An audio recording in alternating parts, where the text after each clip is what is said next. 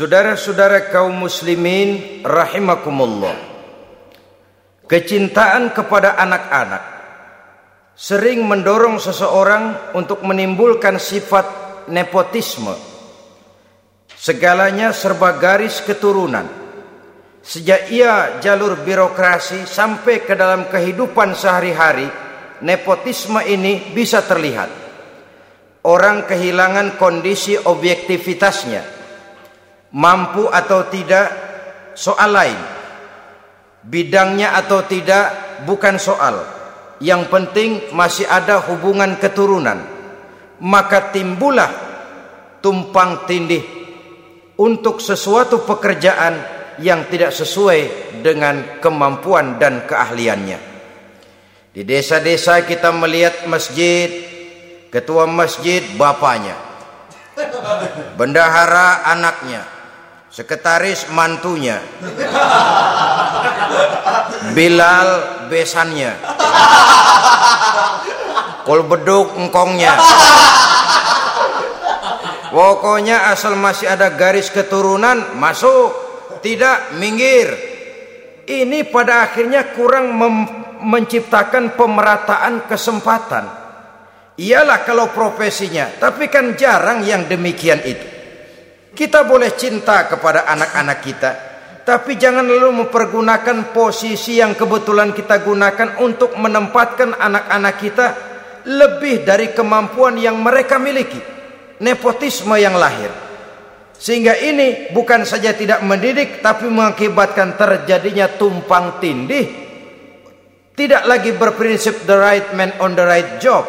Bahwa orang harus ditempatkan sesuai dengan keahliannya. Tapi kita sudah berpikir subjektif. Ahli atau tidak ahli asal masih berbau keturunan. Ayo silahkan. Nepotisme yang akan lahir. Oleh karenanya Mencintai anak adalah sesuatu yang merupakan perhiasan di dalam kehidupan. Wajar tetapi harus kita menempatkannya sesuai dengan semestinya. Ini yang kedua. Yang ketiga, nafsu yang menghiasi hidup manusia itu adalah nafsu kepada wal qanatiril muqantarati minadh dhahabi wal fiddah Al-qantarah ay al-malul kathir. Kecintaan, kesenangan, nafsu kepada harta benda yang banyak daripada emas dan perak. Ini tentu sesuai dengan situasi dan kondisi. Kecintaan untuk mengumpulkan harta benda yang sebanyak-banyaknya.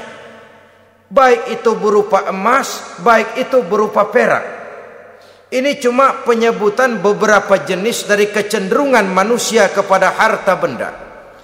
Bukankah sering dikatakan orang bahwa manusia di dalam berhadapan dengan harta itu seperti meminum air laut. Makin diminum, makin kering tenggorokan, makin haus kita dibuatnya. Apabila watak ini kita perturutkan, maka manusia tidak akan pernah kenal puas, tidak akan pernah kenal cukup. Nabi kita memberikan peringatan. Lau anna libni Adam wadiyani min zahabin labtagha lahu mathalisan wa la yamla'u jawfa ibn Adam illa turab. Andai kata manusia mempunyai dua buah ladang yang seluruhnya berisi emas, akan puaskah manusia? Tidak. Mereka akan cari ladang emas yang ketiga wala yamla'u jawfa ibni adam illa turab sungguh mulut manusia ini tidak akan pernah penuh terisi kecuali kalau sudah disumpal dengan tanah artinya kalau sudah dia dipendam di liang lahat baru cukup tetapi sepanjang dia masih bergerak masih hidup dan bernyawa masih bisa berusaha dan berbuat dia tidak akan pernah mengenal puas ini akan mendorong manusia terjebak kepada menghalalkan segala cara untuk mencapai tujuan. Yang penting kaya kan begitu. Dan dan cepat. Sebab sekarang orang sering motong kompas. Yang penting kan cepat kaya. Soal cara, kalau jujur aja mah, sampai kapan mau kaya? perkara itu renten bukan soal. Perkara itu judi tidak jadi masalah. Perkara itu korupsi menyangkut hak orang banyak bukan soal. Yang penting cepat kaya. Dan anehnya lagi tidak malu menumpuk kekayaan dengan cara yang tidak wajar ya kan orang hidup bermasyarakat tuh bisa dianalisa tuh emang usahanya apa sih? Gajinya sebulan berapa sih? Kok bisa gitu-gitu bener sih? Dari mana sih? Secara langsung orang tidak berani bertanya, tapi dari mulut ke mulut akhirnya tersebar jadi rahasia umum. Si Ano kan punya Ano, dia Ano, Anonya seano.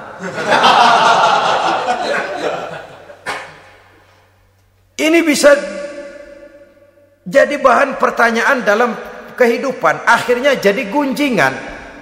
Orang sudah tidak terlalu peduli dari mana kekayaan itu diperoleh. Yang penting kaya dengan menghalalkan segala macam cara terjebaklah ke dalam cara-cara mafia terjebaklah ke dalam cara-cara yang tidak wajar tidak bijaksana memperkuat klik clean dengan menghantam yang lain saudara-saudara kaum muslimin rahimakumullah. Bahwa manusia punya nafsu ingin kaya itu boleh. Boleh. Agama memberikan tuntunan memberikan aturan. Tidak hanya sekedar asal kaya tidak hanya sekedar asal banyak harta. Malahan hadis menyatakan kalau saudara diberikan umur panjang pertanyaan akhirat cuma satu kok. Umurmu kau habiskan di mana. Kalau saudara diberikan amanah berupa ilmu pengetahuan pertanyaan akhirat juga cuma satu kok. Ilmumu kau amalkan untuk apa? Tapi kalau kita diberikan amanah berupa harta benda pertanyaan akhirat itu dua.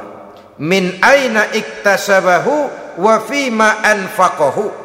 Dari mana hartamu kau dapat ke mana hartamu kau belanjakan dari mananya ditanya ke mananya juga ditanya depan belakang ditanya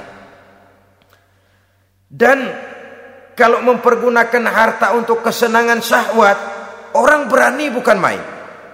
Tapi kalau untuk kepentingan agama yang hakikatnya untuk kepentingan dirinya sendiri, berat seperti nyabut bambu dari ujung. Orang kalau menyumbang masjid 100 ribu, itu kan zohirnya memberikan panitia masjid. Tapi hakikatnya kan dia nabung buat dirinya sendiri. Seolah-olah dia cuma berkata, Pak, tolong saya titip 100 ribu ini untuk kepentingan saya di akhirat nanti. Silahkan uangnya mau dibelikan semen, pasir, kaca, pintu, jendela. Silahkan saya cuma titip ini untuk saya di akhirat nanti. 100 ribu pak. Zohirnya dia memberikan kepada panitia masjid, madrasah, pesantren, yatim piatu. Hakikatnya dia nabung buat dirinya sendiri di akhirat. Malah tabungan ini bukan SDSB namanya, SDBS. Sumbangan dana berhadiah surga. Nah, itu SDBS namanya. Sekarang orang mengejar SDSB, lalu berat mengejar SDBS, sumbangan dana yang berhadiah surga. Langsung dari Allah Subhanahu wa taala. Coba kalau dia main golf, sewa lapangan golf itu 4 500 ribu sebulan. Paling 4 5 kali main. Beli stick golfnya saja sampai jutaan. Datang panitia pembangunan masjid 100.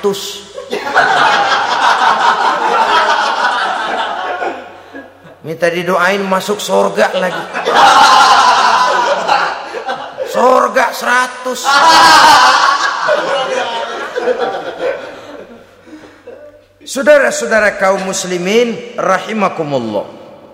Kecintaan kepada harta benda yang banyak, baik berupa emas, berupa perak, mendorong orang untuk berlomba-lomba yang Allah peringatkan dalam Al-Qur'an Al-Hakumut Takatsur hatta zurtumul maqabir. Kamu telah lalai akibat kamu berlomba-lomba memperbanyak materi dunia hatta zurtumul maqabir sampai kamu dekat masuk ke liang kubur baru rupanya sadar bahwa perlombaan ini tidak akan pernah sampai ke garis finish Betapapun jauhnya rally Paris Dakar, garis finishnya ada. Betapapun hebatnya medan yang ditempuh buasnya gurun pasir Afrika, garis finishnya pasti ada. Itu kan rally yang terbuas di dunia katanya. Paris Dakar. Tapi garis finishnya ada. Namun jikalau kita berlomba memperbanyak harta, kita tidak akan pernah sampai ke garis finish. Yang kecil-kecilan aja dah. Kalau orang ditanya, kamu kenapa sih belum mau sembahyang? Ya bagaimana mau sembahyang pak, tinggal di Jakarta masih kontrak. Saban habis tahun di ubur-ubur yang punya rumah, ah kalau punya rumah sendiri walaupun kecil-kecilan saya mau ibadah pak. Ya, diberikan rezeki oleh Allah bisa bikin rumah walaupun kecil-kecilan. Belum juga mau sembahyang. Kok belum juga sembahyang? Iya pak, rumah emang udah punya sendiri, cuman kecil pak. Atasnya atap kalau hujan aja bocor. Ah, kalau bisa bikin rumah yang permanen, Pak. Tenang, saya ibadah, sembahyang saya rajin. Iyalah, diberikan rezeki bisa bikin rumah permanen. Bagus rumahnya. Lain lagi. Iya, rumah sudah permanen, tembok, ubin. Cuman isinya belum ada, Pak, perabotannya. Duh. Kalau punya peralatan rumah tangga yang memadai, tenang saya ibadah. Diberikan juga rezeki bisa beli perabotan rumah tangga yang lumayan. Di atas tehelnya sudah pakai karpet, mebelnya spaghetti, tempat tidurnya alga spring bed dan lopilo, ada kulkas, ada TV, di sebelah TV ada kunci mobil. Kuncinya mobilnya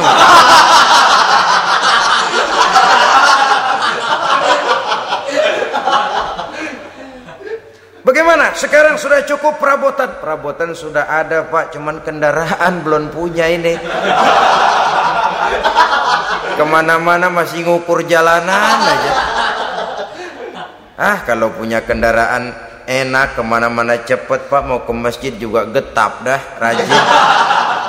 Diberikan rezeki bisa beli kendaraan lain lagi nanti sudah punya sepeda, pengen punya motor, punya motor, kepengen punya mobil, punya mobil, kepengen punya pesawat terbang, punya pesawat terbang, pengen punya kapal induk. Sudah punya kebun, pengen beli sawah, sudah punya sawah, pengen punya gunung, sudah punya gunung, laut diborong. Perlombaan materi tidak akan pernah membawa kita ke garis finish karena sifatnya sangat abstrak bahkan akan mendorong kita seperti gurita. Cenderung kepada penyakit tamak bin rakus alias serakah. Dengan demikian saudara-saudara bahwa kecintaan kepada harta merupakan nafsu dan nafsu itu adalah perhiasan dia bisa menjadi daya dorong positif. Kalau dalam upaya memperoleh harta itu kita tidak akan keluar dari tujuan keridhaan Allah. Saya cari nafkah, tapi yang Allah ridho. Saya ingin kaya, tapi dengan cara yang Allah ridho. Ini kunci yang akan menyelamatkan kita manusia dari perangkap menghalalkan segala cara. Ini yang ketiga. Yang keempat, dihiasi manusia itu dengan nafsu kepada wal khailil musawwamah. Kuda yang bagus, kendaraan yang bagus, kuda yang terpelihara. Al-Musawwamah ada yang mentafsirkan ar-ra'iyah. Ar-ra'iyah itu yang digembalai, binatang ternak kuda yang digembalai atau kuda yang diikat. Artinya kalau dulu kan yang namanya tuan-tuan tanah itu baru dibilang bejeger kalau ke mana-mana naik kuda. Ah jet set zaman dulu itu. Itu udah kelompok jet set itu kendaraan. Kalau sekarang baby benda dulu mah kuda band.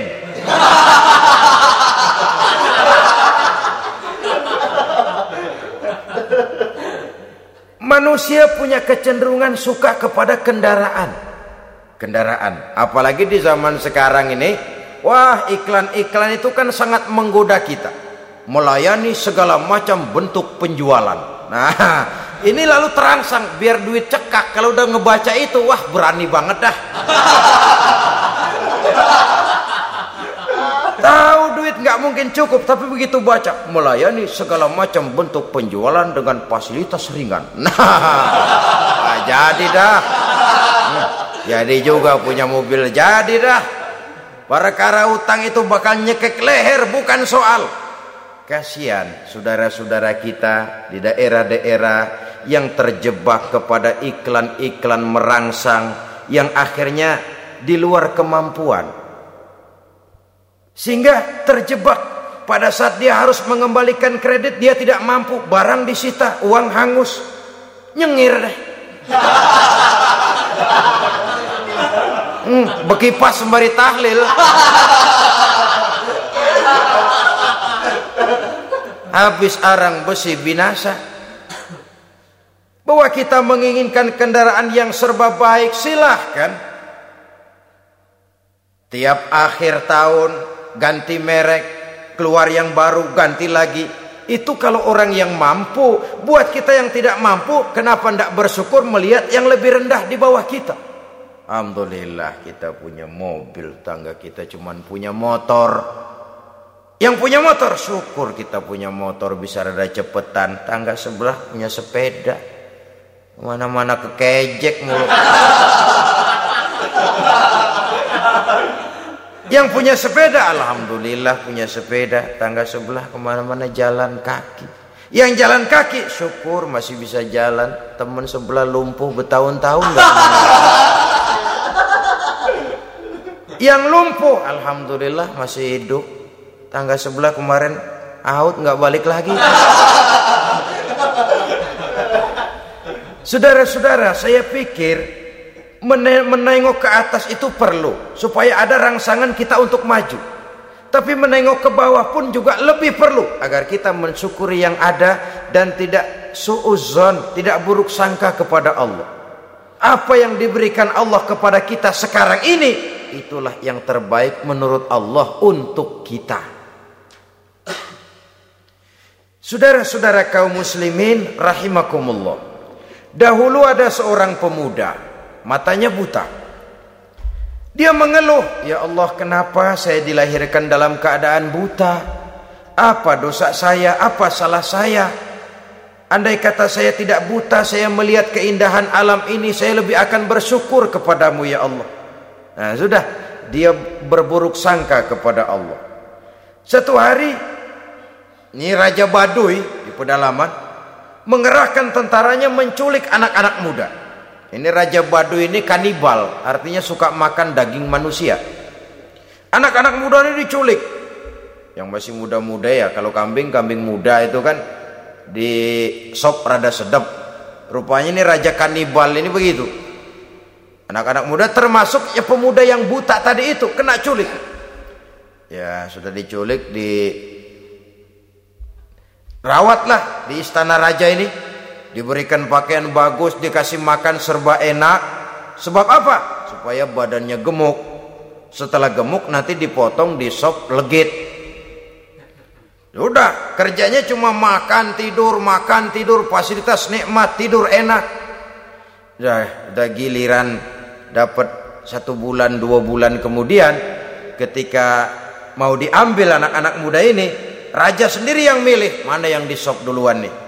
Sampai giliran anak muda yang buta ini raja geleng kepala. Yang begini mau buta dagingnya nggak enak. ini satu satu lepas aja lepas. Saya mau makan daging orang buta. Lepas aja. Pulang ini anak muda, batinnya bersyukur, sujud syukur ya Allah, katanya untung saya buta Coba kalau saya nggak buta udah habis saya di sop. Dua bulan yang lalu dia mengeluh, ya Allah kenapa saya dilahirkan dalam keadaan buta? Sekarang dalam pulang ke rumah, perjalanan menuju ke rumah dia berkata, Alhamdulillah, andai kata saya tidak buta, habis badan saya disop oleh raja yang kanibal tadi itu. Saudara-saudara kaum muslimin, rahimakumullah. Jadi dengan demikian pola hidup yang konsumtif sesungguhnya sangat tidak mendidik apabila dilatar belakangi oleh kemampuan yang tidak menunjang. Dengan demikian setidaknya mendidik orang untuk berkhayal. Anak-anak muda sama merek mobil ngerti banget dah. Punya kagak? Ini BMW model terakhir nih. Nih, kemarin gue ngeliat di sana gue megang. Megang ramai banget.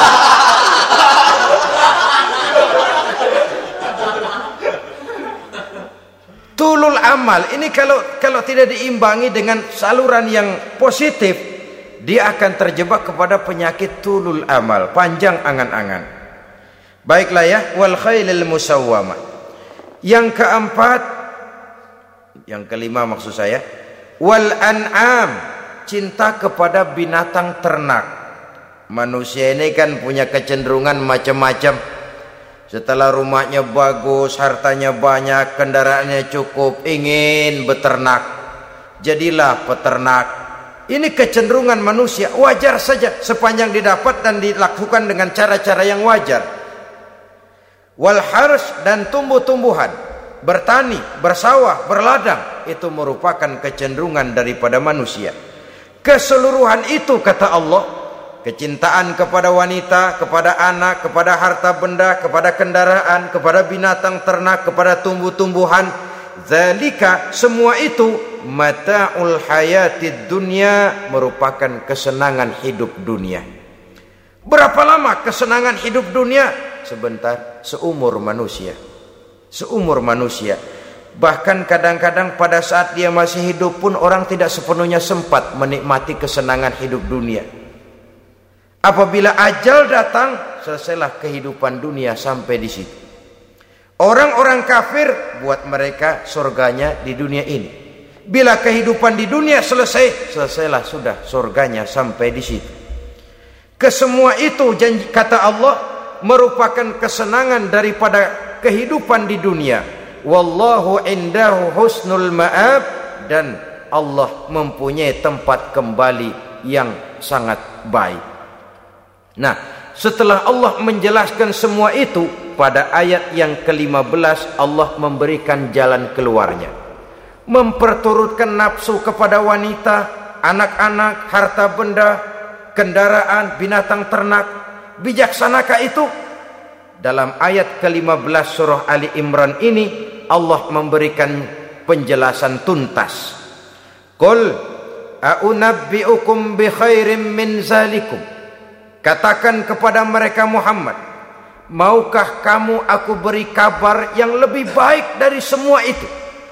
Lebih baik daripada kesenanganmu kepada wanita, kepada anak-anak, kepada harta benda, kepada kendaraan dan sebagainya. Mau kamu aku beritahu yang lebih baik daripada semua itu? Jawaban tentu mau. Kalimatnya bukan ukhbirukum, aunabbiukum.